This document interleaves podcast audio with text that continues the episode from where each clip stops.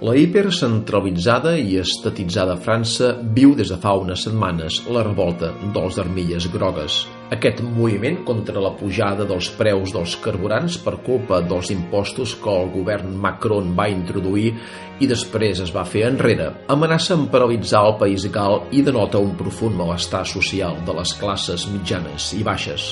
Tot i tenir feina, molts d'ells asseguren que ho passen malament per arribar a final de mes. Els elevats impostos que alimenten la sobredimensionada maquinària estatal erosionen la capacitat adquisitiva de la població.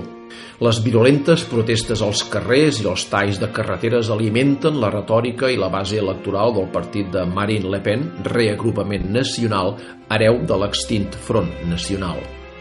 Resulta paradoxal la càrrega estatal del país francès. Aviat farà exactament 230 anys. El poble es va revoltar contra les estructures de l'antic règim la monarquia més absoluta del món, conjuntament amb l'espanyola, perquè recordem que Felip V, el primer Borbó, era net del rei Sol Lluís XIV, oprimia el tercer estat amb càrregues fiscals abusives. La sequera de l'estiu del 1788 va preparar la detonació de la Revolució Francesa.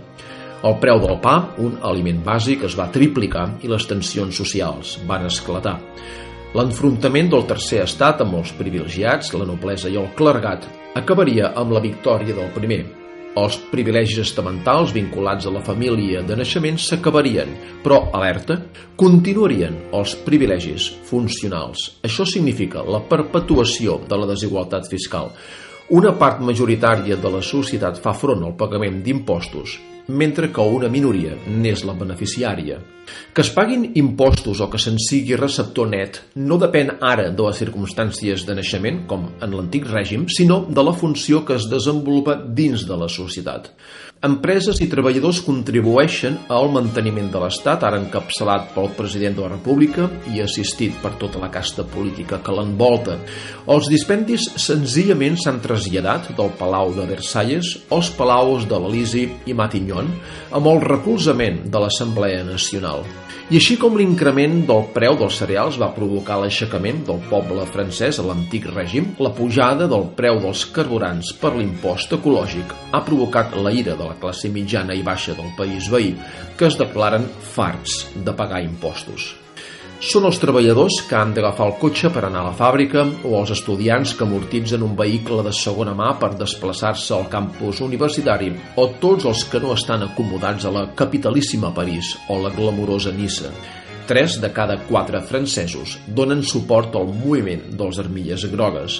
És la manifestació popular més gran i transversal contra el president Emmanuel Macron i denota una fractura social i territorial no vista fins ara. I què hi ha al darrere d'aquest moviment?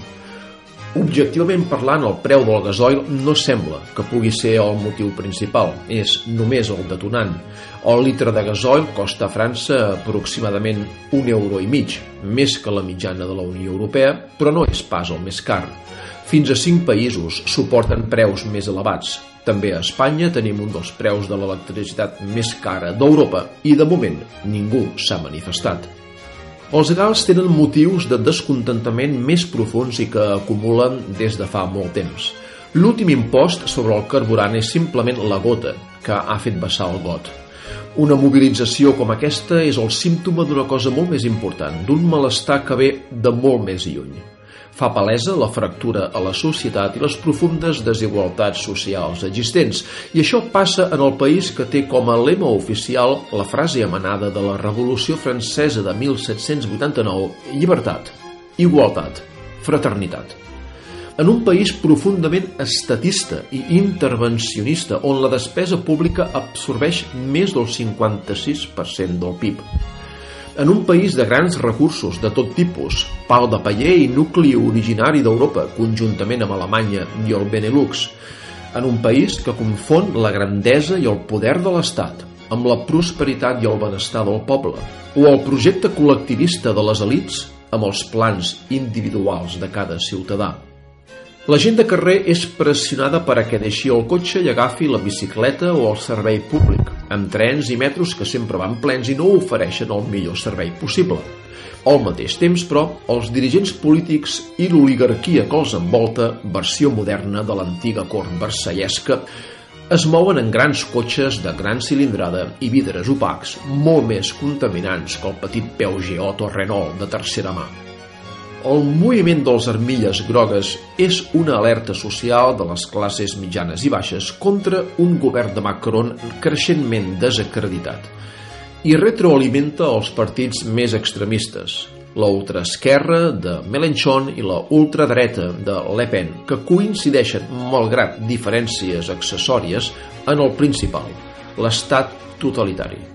En paraules de Mussolini, tutto nello Stato, niente al di fuori dello Stato, nulla contro lo Stato, tot dins de l'Estat, res fora de l'Estat, res contra l'Estat. Aleshores retornaran els plors i el cruixir de dents.